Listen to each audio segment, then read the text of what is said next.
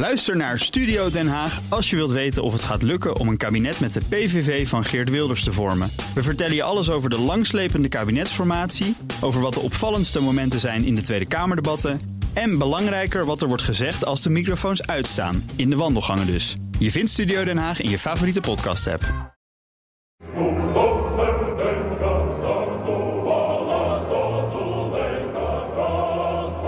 De geopolitieke alliantie. Twee jaar oorlog in Oekraïne.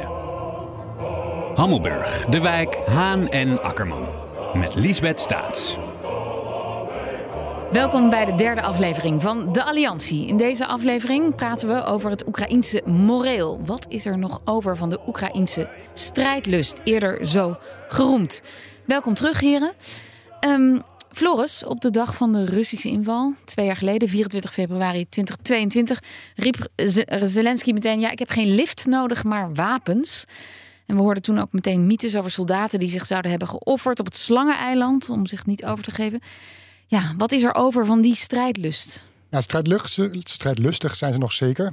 Ook omdat ze zien van we hebben geen keus. Als we opgeven, dan worden we over de, onder de voet gelopen. En dan krijgen we een tweede Butsja, dus dat willen we voorkomen. Daarvoor vechten we hier. Maar je ziet wel, er is eh, meer pessimisme ingeslopen. Of die is gewoon duidelijk zichtbaar. Het heeft te maken van het eerste anderhalf jaar was er hoop en veerkracht. Hoop op de overwinning misschien wel na het successen van Gerson en Kharkiv, de bevrijding daarvan. Ehm, eh, maar nu zie je dat het tegenoffensief is niet gelukt. De slag om Bakhmut, dat heeft veel doden veroorzaakt. Daarvan hoor je mensen zeggen van ja, was het allemaal wel nodig? Mijn vriend is daar overleden, mijn neef is daar overleden. Dus je merkt gewoon dat dat, mm. ja, dat, dat, dat, dat gaat in die haarvaten zitten, dat, brengt, dat dringt door. En ook het gekrakeel dat we toen ik er was in december tussen Zaluzny en de generaal van het hoogste legerleider en Zelensky. Uh, Zaluzny inmiddels vertrokken. Dat was ook niet goed voor de eenheid. En wat je ook al de hele tijd hoort over Zelensky's rol. Kijk, hij wordt bewierookt voor het begin van die oorlog. Maar wat, wat ik elke trip als ik naar Oekraïne hoor, ja, maar die voorbereidingen van Zelensky op de oorlog, daar is hij in gebreken gebleven. Daar komt nog wel een moment dat we hem daarop willen vragen, dat daar onderzoek naar komt. Dus hmm. ja, je merkt je merkt aan alle kanten dat, dat uh, die hoop en die veerkracht verdwenen is. En meer pessimisme. En, en dat, dat geldt dan voor de soldaten, maar ook voor de mensen op straat? Voor de mensen op straat uh, in mindere mate. Je hebt natuurlijk ook, wat je nu hebt, die discussie rond die mobilisatiewet. Uh, dan merk je, dan proef je al daar discussie Leg rond. nog even uit, die mobilisiewet. Nou ja, Oekraïne heeft meer manschappen nodig. Um, waar ga je die vandaan halen? Ja, dan zul je dus een mobilisatiewet in, het leven moeten roepen om extra mankracht te mm. krijgen, om extra soldaten te krijgen. Maar die gaat er moeizaam doorheen door, door, door, door, door, de Oekraïnse, mm. door het Oekraïnse parlement. En daarin merk je al, wat je dan ziet, is dat eigenlijk um, de mensen die willen vechten, die staan er al aan het front of die zijn overleden. Dus nu kom je eigenlijk uit op, om het heel neerbuigen, maar dat is niet waar, zo bedoel ik het niet, uit op tweede garnituur. Mensen die wat minder staan te trappelen om te vechten, die inderdaad wat minder strijdlustig zijn. Ja, Geert-Jan Zelensky roept natuurlijk, we blijven doorgaan. Um, wat, wat, wat heeft die twijfel of die scheurtjes die in die strijdlust komen, wat ik me overigens trouwens heel goed voor kan stellen, uh, voor, wat hebben die voor consequenties voor de positie van Zelensky? Nou, voor zijn positie op dit moment denk ik niet zoveel. Ook omdat hij in 2019, vlak nadat hij president werd, waren er ook parlementsverkiezingen. En uh, toen is het zijn uh, nieuwe partij, Dienaar van het Volk, gelukt om met een absolute meerderheid in het Oekraïense parlement te komen. Hij heeft natuurlijk een, uh, een staf om zich heen, uh, wat voor een deel ook allemaal vrienden van hem zijn uit die oude theaterwereld waar ik het in deel 1 over had. Je ziet ook dat die opposities mensen uh, nu neerzet die hem meer welgezind zijn of mee mm. willen in zijn verhaal. De minister van Defensie is veranderd, de opperbevelhebber is verhandeld, uh, veranderd. Dus hij zet ze um, naar zijn hand. Hij versterkt zijn positie ja. eigenlijk.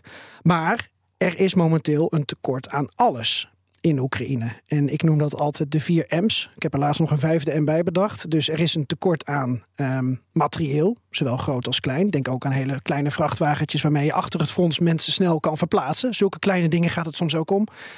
Een tekort aan middelen, dus munitie en geld. Tekort aan mensen, waar Floris het over had. En als dat allemaal in gebreken blijft, krijg je een mm. tekort aan moreel. En Oekraïne kan mhm. op dit moment wel op Europa bouwen als het gaat om de economie. Hè, de steun van de EU, steun van de EBRD, die is er wel. Dus die economische toestand is kritiek, maar stabiel. Maar de rest is kritiek, kritiek en niet stabiel. En dan krijg je dus discussies als, en dat gaat dit jaar denk ik op gang komen als de successen uitblijven. Um, discussies die je bijvoorbeeld in 2014 ook had, toen alleen de Krim en Oost-Oekraïne in oorlog kwamen. Waarom zou een West-Oekraïner zonder munitie moeten gaan vechten in een loopgraaf voor Afdivka, wat duizend kilometers verderop is? En die discussies gaan plaatsvinden. En daarom denk ik ook dat dit wordt het jaar van het uitzingen voor het Oekraïnse volk, voor Zelensky.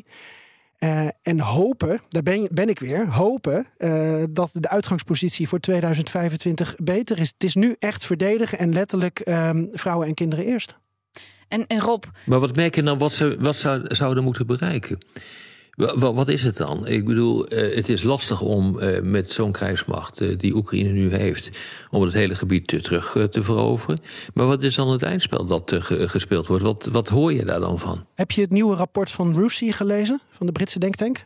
Ja.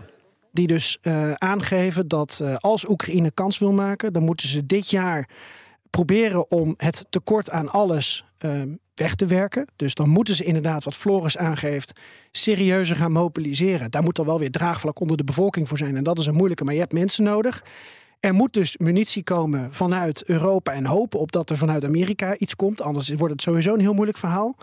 En uh, deze Britse denktank die geeft aan uh, dat Oekraïne eigenlijk moet doorgaan dan met het slijten van, uh, van Rusland. Dus dat Rusland op een gegeven moment in een moeilijke positie komt met materieel, uh, met mensen. Ook Poetin zal dan een mobilisatieronde nodig hebben met de vraag: ja, wordt dat gesteund mm. door de Russen? Het is natuurlijk minder democratisch dan in Oekraïne, maar ik noem het toch even. En ook. Wat moeilijk in te schatten is, is de Russische begroting. Um, gaan de uh, gebrekkige gas- en olieinkomsten zich dan wreken? Dat zijn allemaal variabelen. Ik geef het toe. Allemaal onvoorspelbaarheden. Mm. Ik geef het toe. Maar dat is wel waar deze denktank van zegt: ja, dan kan de situatie in 2025, 2026 want zo lang gaat deze oorlog mogelijk duren. Uh, dan kan de situatie zich iets meer in het voordeel van Oekraïne keren. Maar komend jaar is het echt verdedigen. Ja, maar het is wel een enorme ja, wensenlijst. Dat heeft Tsersky natuurlijk ook gezegd, hè, dat hij die kant op eh, gaat. Die heeft formeel nu aangekondigd uh, toen Zelensky uh, zijn conseiller kreeg... om uh, maar te gaan verdedigen. Wat trouwens volgens mij uh, Zelensky ook deed, maar dat terzijde. Ja. Ruzie is een fantastische uh, denktank in uh, Londen. Uh, maar ik vind dat er in dit stuk wel een hoop mits en maren zitten. Dus als alle voorwaarden zijn ingevuld, dan zou het kunnen. Maar dat laat nog steeds onverlet dat Rusland een geweldig kwantitatief voordeel heeft. Als je op dit ogenblik kijkt wat er gebeurt met uh, de Russische uh, defensiebegroting, dan is hij uh, nu in de richting van de 7% van het bruto binnenlands product. De, de defensieindustrie is veel meer opgeboost dan westerse waarnemers voor mogelijk houden. Dus ik, ik vraag mij werkelijk af in hoeverre Oekraïne dat, dat kan compenseren door een veel betere kwaliteit. Ik, ik, denk dat voor zover ik er nu naar kijk, en ik lees inderdaad ook altijd, lees ook alles, dat als ze nu kunnen houden wat ze hebben. Mm. Zeker door het jaar heen. En dan moeten we maar helemaal afwachten wat er gaat gebeuren in Amerika. Ja, dat je dat, dat, dat het ongeveer wel is, is, is mijn idee. Dat is het maximaal fout hebben voor Oekraïne. Ja, dat is het maximaal haalbaar. En uh, ik kan het daar natuurlijk fout in hebben, want ik heb ook geen glazen bol. Maar gewoon als ik ook met, uh, met, uh, met collega's praat, dan wordt er ook van uitgegaan dat dat dit het wel is. Hmm. Dat, ik bedoel, dat stemt niet met mag vreugde. Ik, mag ik, ik zou dat graag anders willen zien. Maar... Mag ik één vraag ja. stellen? Helpen die F-16's als ze eenmaal vliegen nou wel of nou niet? Nou, dat maakt niet zoveel uit. Wij denken iedere keer dat de wapensystemen een gamechanger uh, zijn. Dat zijn ze niet. Uh, wat, wat helpt in algemene zin is niet de F-16, maar de F-16 als platform om lange afstandswapen daarmee te kunnen afschieten. Dus wat helpt, dat zijn lange afstandswapens. Wat helpt, uh, dat is meer luchtverdediging. Daar zit een geweldig probleem in, omdat die op dit ogenblik wordt doorboord door de Russische raketten en drones. En die, nou ja, goed, dat is een lang verhaal om, om dat te houden hoe ze dat doen. Maar ze komen er steeds beter doorheen. Maar je zegt eigenlijk uh, aan die F-16's heeft Oekraïne niet zoveel. Nee, dat zeg ik niet. Je hebt er alleen iets uh, uh, aan als je in staat bent om lange afstandswapens daarmee te kunnen afschieten. Want die F-16 op zich is veel te kwetsbaar. Als je daarmee boven het uh, slagveld gaat te vliegen voor close air support. Of dus zeg maar de ondersteuning van troepen op, mm. op de grond. Dan is de kans vrij groot dat je direct de lucht uit wordt geschoten. En, en, hebben ze zicht dus, op die lange ehm, afstandswapens dan? Nou ja, dat, die, die zijn er discussie steeds over. ja. Ja, daar gaat de discussie over. De, uh, de Britten en de Fransen hebben uh, dat soort wapens uh, geleverd. er wordt nagedacht vanuit Duitsland om wapens te leveren met een nog groter afstandsbereik. de Amerikanen willen dat niet, want die zeggen de lange afstands ATACMS, zoals die dingen heet, die 300 kilometer ver kunnen komen, die willen we niet leveren. Want daarmee kun je doelen uh, raken in Rusland. Dat is wat we niet willen met onze wapensystemen. Ja, dus die zaak die zit ook behoorlijk vast hoor, op dit ogenblik. Geert-Jan. Ja, nog even op die, die denktank Rusi. Uh, kijk, denktanks ja. werken in scenario's. Dat doet de HCSS van Rob uh, niet anders. En dan kijk je naar Zeker. wat er eventueel oh, ja. zou nee, kunnen zouden gebeuren. Dit ook kunnen, ja. En ja. Um, ik, ik, heb ook een, een, gesprek gehad met Mark Galliotti, grote Ruslandkenner. Uh, ja. Dat was uh, afgelopen Geweldig winter. Event, ja. En die geeft ook aan, uh, laten we het dan maar zo benoemen. En we doen het nogmaals met de informatie die Mhm. we nu hebben. En de informatie vanuit Rusland is soms ook heel beperkt en onduidelijk. Russen hebben ook cijfers waar ze soms mee strooien, waar je geen chocola van kan maken. Kijk, Galliotti zegt, dit jaar, 2024, moet je zien als een overbruggingsjaar. En dan moet je hopen, als alles meezit, dat het in het voordeel van Oekraïne zich zou kunnen keren. Dat betekent ook dat bijvoorbeeld um, de slag bij Avdivka, als Oekraïne Avdivka verliest, oké, dat, dat zou vervelend zijn voor Oekraïne. Maar als daarmee dat Russische offensief niet verder doorgaat en ze de Donbass net als afgelopen jaar kunnen behouden. Dan is dat ook een succes.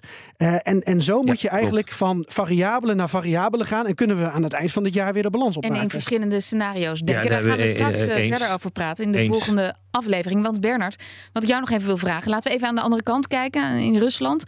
Eh, als het gaat over het moreel. In het begin gingen al die Russen nou, vrijwel ongetraind naar het front. Dat werkt ook niet heel erg moreel verhogend, kan ik me voorstellen. Hoe is het daar? Hebben wij daar een goede indruk van? Een matige indruk, omdat die voor een groot deel is gebaseerd op wat wij denken, dat zij denken en doen. Hè? Dat is, deze vraag impliciet is daar een voorbeeld van. En jij vraagt aan mij wat ik denk dat er in Rusland gebeurt. Op zichzelf, dat is goed. Maar Ja, en zichzelf, of wij dat kunnen inschatten, Oh, of we daar een indruk precies. van hebben. Nou ja, we doen verschrikkelijk ons best. Wat, Geert- ja, wat zegt jouw Rus, eh, wat jij denkt? Geert-Jan en ik zijn met deze vraag echt bijna dagelijks bezig.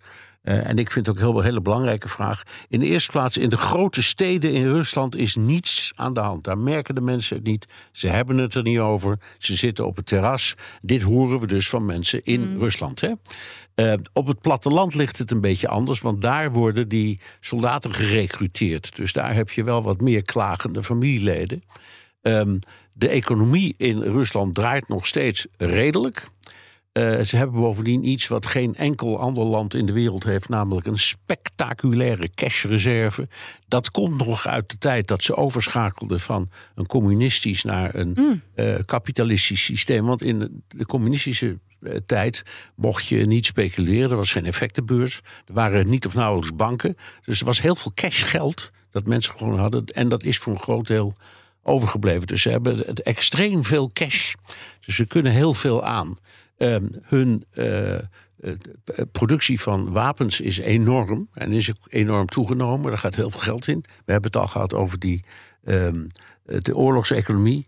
Maar het, het is. eh, Tenminste, wat wij bijvoorbeeld net in de laatste aflevering van BNR De Wereld hebben dat ook weer uitvoerig over gesproken. Dat mensen op het platteland inderdaad wel beginnen te mopperen.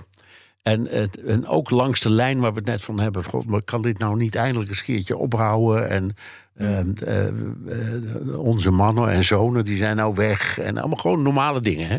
Dus dat beginnen ze wel een beetje te merken. Maar het is ehm, alle voorspellingen ten spijt. Het gaat de Russen eigenlijk best goed. En ze, ze verkopen zich suf aan olie en gas in, in China en in India. Tegen veel lagere prijzen. Tegen veel, jawel, tegen veel lagere prijzen. Maar nog altijd, als je kijkt naar. Ze hebben daar criteria voor in hun eh, de, eh, begroting. Hè. Het, het moet minimaal zoveel opbrengen om dekkend te zijn. En dat lukt nog altijd. Ja. Dus, dus hun begroting is ook helemaal niet zo slecht. De inflatie Nee, is niet. klopt. De, de, de, de, de roebel staat sterk. Valt allemaal best mee hoor. Voor een land waarvan wij denken dat het zowat ten onder gaat. Maar goed, in Rusland, Floris, daar zeg je niet zo makkelijk dat je kritiek hebt op de oorlog en dat die veel te lang duurt en dat, dat het moreel, dat je, dat je eigen overtuiging eh, aan erosie onderhevig is. Ja, nou, dat zeker. Maar er zijn dus wel moeders van soldaten. Ik wil niet meteen zeggen van eh, nu staat het land op zijn kop als die, een, eh, als die de straat op gaan.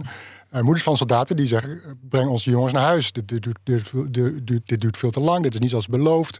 Um, en het Kremlin zit daar toch mee in zijn maag. Ze weten niet zo goed wat ze met die moeders aanmoeden. Nee, want die moeders die vertegenwoordigen ook Poetins ideaal van de Russische familie. Dat ook. En, en, en, en je denkt, je hoopt, Poetin wil natuurlijk uh, die, die onverbiddelijke die, die steun ook richting de presidentsverkiezingen in maart.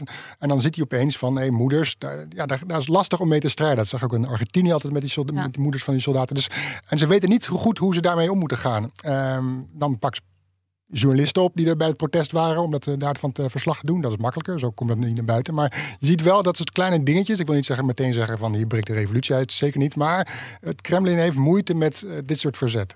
En, en zo kijkt Oekraïne ook naar Rusland. Het is, uh, wat Floris schetst, is ook een hele kleine schakel in een geheel van een oorlog. Waarbij Oekraïne er ook op uit is om Rusland, als het kan, op een of andere manier te destabiliseren. Nou, dus het Westen doet dat mm. met sancties, probeert dat met sancties. Uh, Russische moeders die doen dat vanuit eigen belang. En Oekraïne zegt, ja, wij vechten eigenlijk op twee fronten, namelijk op een slagveld en uh, we willen de oorlog naar Rusland brengen. Dus met aanvallen, met drones en met andere opties. Willen ze bijvoorbeeld ja, de Russen er wat van laten merken. Met aanvallen op Moskou, aanvallen op oliedepots. Het is allemaal nog op hele kleine schaal. We kunnen niet voorspellen of het groter wordt. We zien dat de drone-industrie in Oekraïne, ik zal de woordschap maar maken, een vlucht neemt. Mm. Maar je hebt al deze schakeltjes nodig om uiteindelijk, als je een succes wil boeken, om dat te behalen. Dan ben je niet van één ding afhankelijk. Nee. Maar Floris, die Nadjezdin, die enige oppositiekandidaat mm -hmm. voor de presidentsverkiezingen in Rusland, nou, die is al uh, figuurlijk uitgeschakeld. Hè? Die mag niet meer meedoen. Toch hebben daar zag je rijden inderdaad. Ja, daar hebben honderdduizend mensen hun handtekening dus- gezet. Dus, met risico op uh, uh, consequenties. Zeker, en hij is nu ook uitgesloten. Hij kan het vergeten. Dus je ziet heus wat dat daar uh, frictie is binnen de Russische samenleving. Maar het Kremlin ja, kan steunen op enorme propaganda. die jongens die naar het front worden gestuurd... die kunnen enorm rekenen op financiële tegemoetkomingen. Ook de, de, de, rest van de familie. Dus voorlopig heeft Kremlin nog altijd daar in, in, in de ijzeren vuist op. Wat inderdaad wat Geert-Jan zegt is... wat Oekraïne heel erg hoopt is van ja, dat daar intern in Rusland daar wat gaat gebeuren. En dat ziet Oekraïne ook als de oplossing tot een overwinning. Ja. En, en Rob, hoe groot acht jij die kans dat er intern wat gaat gebeuren? In Rusland? Ik zie er niks van op dit ogenblik. Ja, ik zie er niks van. Ik bedoel, ik hoop het, maar hoop is geen strategie. Dus um, nee, ik zie er niks van. Dat is eigenlijk het korte, korte antwoord. Ik uh, denk dat, naar, uh, dat Prigozhin een kopje kleiner is uh, gemaakt. Dat uh, um, ja, is ook nog gebeurd op dit ogenblik ja. beter. Uh -huh ja, de vorig jaar beter in zadel zit uh, dan, uh, dan daarvoor. Dus dat betekent dat Poetin, ja, zijn positie is redelijk, redelijk stevig. Dat geldt ook voor de hogere legerleiding. Er zijn ook weinig wisselingen op dit ogenblik. Ja, op dit ogenblik wordt er wat gereshuffeld, maar dat is niet het paniekvoetbal van eerder in de oorlog. Uh, nee, ik zie het gewoon niet op maar, dit ogenblik. Maar Geert-Jan noemt net al die, die, die kleine uh, prikjes die Oekraïne probeert uit te delen. Maar ik zeg ook niet dat dat daarmee dit jaar geregeld is. Nee, nee, nee. Dit is allemaal onderdeel van nee, die war of attrition. Ja, maar, maar goed, wat, wat, wat, ja. wat uh, Poetin zit er al sinds 2000 en we volgen met z'n allen dit land al. Dacht, al, al 2000 jaar, zo voelt het ja, wel. Maar elke keer als in het verleden, als het gebeurde in 2008, economische crisis, 2011, 12, eerste protesten tegen Poetin, werd meteen geroepen van, nou heeft hij het moeilijk, nou heeft hij het zwaar, Poetin. Nu gaat hij, moet hij, uh, staat hij onder druk. Maar hij zit er nog steeds. Hij zit er nu nog steeds. Dus moet ook niet verwachten dat bij elke wisseling of bij een, onvrede iets meteen Poetin hangt. Nee, maar daarmee kom je toch weer terug op wat ik steeds als zo'n groot probleem zie. Jij geeft een prima voorbeeld van wat wij toen dachten en vonden. Ja, precies. Nou, je ja. kan wel zien dat hij in moeilijkheden is. Dat doen we steeds, ja. ja en dat is de fout. Dus het is ook. Omdat ja, vind ik ook. We hebben, we hebben niet alle middelen die we zouden mm. willen. We hebben een voortreffelijke correspondent die echt. Uh, een van de weinigen die er nog zit. Een van de weinigen die er nog ja. zit. Hè. Joost, die doet echt geweldig zijn best. We hebben ook wel andere bronnen van tijd tot tijd. Hè, van mensen die echt daar vandaan rapporteren. Um, maar het is heel moeilijk en het is zo belangrijk om het te doen omdat als we één ding hebben geleerd in die twee jaar, is dat je vreselijk moet uitkijken met het projecteren van je eigen analyse op een. Überhaupt, hè, het is uh, in de in geopolitieke theorie altijd al bloedmoeilijk om te bedenken wat in een of ander ver ander land eigenlijk speelt. Nee, dat snap ik wel Ja. bijna. Maar je hebt gewoon periodes dat je soms even, ook als politicus, eh, zit in de hoek waar de klappen vallen. En je zag bij Poetin dat, eh, ja, wat was het, het najaar van 2022. Je had bevrijding Kharkiv, bevrijding Gerson. Je had eh, die Krimbrug die op zijn verjaardag, ja, niet de Krimbrug, maar die andere brug waar een deel van werd, werd opgeblazen. Met eh, Marilyn Monroe, Happy Birthday to you, Mr. President. En dan, waar, waar ik op uit wil komen, is dat dan heb je de Russische staatstv, waar toen voor Russische staatstv-begrippen ongekende kritiek kwam. Je hebt de mailbloggers, die volgt Rob ook op de voet, die online allemaal stennis schoppen. Nou, Girikin is achter slot en grendel gezet, niet vanwege MH17, maar omdat hij kritiek heeft op Poetin. En dan heeft Poetin het dus wel even moeilijk. Maar als wij zeggen dat hij het moeilijk heeft, bedoelen we niet dat hij een dag later op straat gaat. Maar je geeft ook daar een, een dagkoers of een weekkoers, van hoe het Ja, ervoor maar staat. dat geldt voor elke politicus in elk land in de wereld. Die, daar zijn er, die krijgen, worden ook ondergesneeuwd. Dat weet ik, Bernard, maar in het- Nee. eh, eh, kritiek en... en, en Dat weet ik, maar in het geval van eh, staatsmedia die tekeer gaan tegen je en mailbloggers die tekeer gaan tegen je, dat is toch een net iets andere situatie dan in Nederland. Nogmaals, ik zeg niet dat hij daarmee gelijk ontroond is. Alleen dat hij dan wel even in een moeilijkere periode zit. Waarvan Rob ook zegt, ja, toen heeft hij daarna gehandeld met allemaal shuffles op het slagveld. Dan komen er andere poppetjes die dan moeten kijken of die het voor hem kunnen redden. ja. Maar goed, hij nodigt die mailbloggers heeft hij uitgenodigd in het Kremlin. En daarna is de kritiek ook meer verstomd.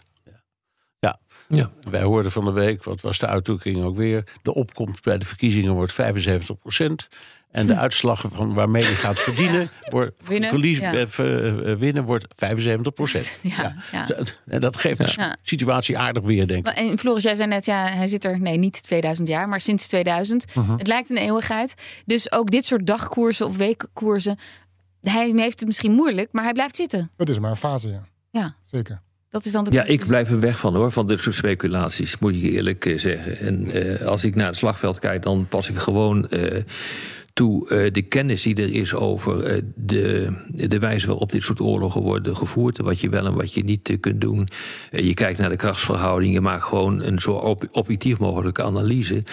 En ja, dat, dat ontbreekt vaak, want er zit toch een hoop wensdenken vaak, Ah, het zijn vaak niet achter. En alleen dat is maar- denk ik. Maar het zijn niet alleen maar speculaties. Ja, ga- het gaat erom dat. ehm, kijk, vorig jaar in, eh, in Kiev had ik een interview met de voorzitter van de Veiligheidsraad. Die ook tegen mij aangeeft. eh, ons doel is om de oorlog ook naar Oekraïne of naar Rusland te brengen. En dan ga je Ja, kijken nou, of dat lukt. En dan ga je kijken op welke schaal Oh, dat lukt. En dan is dat onderdeel van eventueel een geheel van de. Oekraïnse strategie om een Rusland met een regime change Ja. te, te realiseren. We zeggen helemaal niet dat die kans heel groot is. Maar je volgt het Nee, maar kijk, je volgt het als ontwikkeling. eens hè? Nee, nee, daar ben ik het volstrekt mee eens. Dat is natuurlijk ook wat je, wat je moet doen. En volgens mij in de podcast, eh, voordat eh, de besluit was genomen om het, eh, de strijd naar, Oekra- naar eh, Rusland te verleggen, hebben wij ook al gefilosofeerd van wat zou je doen? Ik denk altijd, wat zou ik doen? Niet wat, eh, wat zou ik nou doen? En eh, dan moet je dus wel uitputten eh, in slechtigheid. Maar dat, eh, dat lukt eh, En soms ook wel heel goed. zijn. Ben je zo erg? Exact. En wat zou, wat, zou, wat, zou ik doen, wat zou ik doen om het, de tegenstander het leven zuur te maken? En je ziet dus ook iedere keer dat dat ook gewoon gebeurt. Omdat er helemaal niet zoveel verschillende opties zijn. Alleen je moet, je moet wel eventjes ehm, eh, ook, eh, laten we zeggen, eh daar doorheen gaan. En de ethiek even opzij eh, zetten. En dat is vaak het probleem. En dan gewoon kijken van wat kun je doen en wat gaat er eh, gebeuren. Kom eind hoor. En dan kan je een redelijk objectieve analyse maken eh, over hoe iets gaat verlopen. Dus eh, ja, weet je. eh, Nou, hou dat vast om- want, want het derde oorlogsjaar Ja. staat op het punt te beginnen. Ehm, daar gaan we in de gezellig, volgende ja. aflevering over doorpraten. Sensationeel volgens jou als je het zo brengt. Nou ja, Fijn dat je er zin in hebt, Lisbeth. Nou, in de aflevering, niet in de oorlog. Ehm, wij vragen ons in die, derde, in die vierde en laatste aflevering af: moeten we opnieuw uitgaan van een tegenoffensief van Oekraïnse zijde? En helemaal niet onbelangrijk, wat betekent een eventuele herverkiezing van Donald Trump voor deze oorlog? Dat bespreken we dus in de volgende en laatste aflevering. Voor nu, dank Rob de Wijk, Geert-Jan Haan, Floris Akkerman en Bernard Handelburg.